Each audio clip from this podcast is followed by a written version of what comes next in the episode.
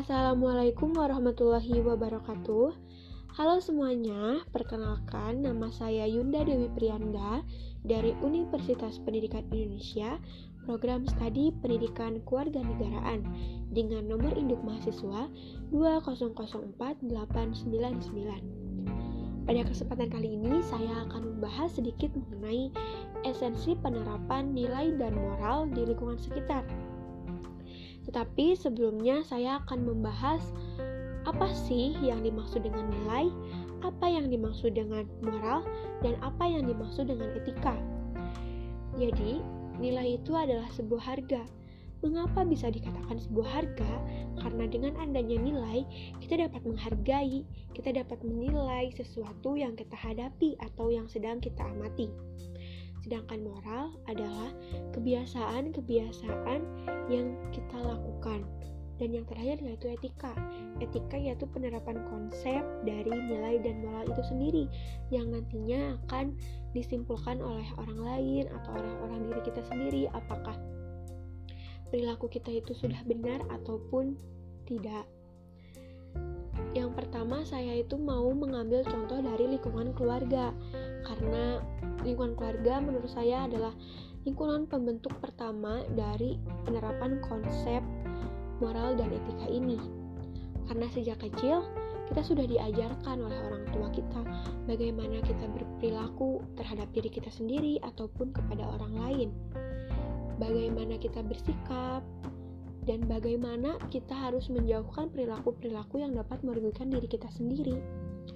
Seperti contohnya di lingkungan keluarga saya ini sangat dijunjung sikap sopan santun kepada orang lain, bukan hanya kepada orang-orang rumah atau kepada keluarga sendiri, tetapi kepada lingkungan masyarakat karena kita ini merupakan makhluk sosial dan tidak akan pernah terlepas dari yang namanya lingkungan masyarakat. Karena setiap harinya kita akan berbaur, kita akan berpapasan langsung dengan masyarakat. Oleh karena itu, nilai nilai sikap dan moral sangat sangat sangat dijunjung karena dapat menjadi patokan sikap kita kepada orang lain atau penilaian orang lain kepada kita. Seperti contohnya, ada teman saya, dia itu pintar, tetapi orang-orang beranggapan bahwa dia itu tidak mempunyai sikap yang seharusnya dia perlihatkan kepada orang lain. Karena dari sikap dia berpapasan atau bertemu dengan orang lain dia tidak memperlihatkan bahwa dia itu merupakan individu yang seharusnya dicontoh oleh orang lain.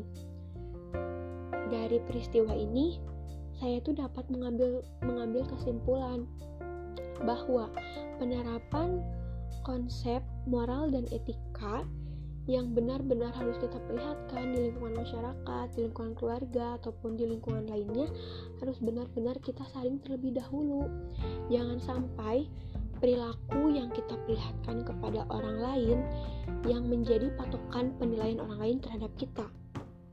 Jadi, sikap sopan santun kita kepada orang lain harus benar-benar kita wujudkan, harus benar-benar kita perlihatkan.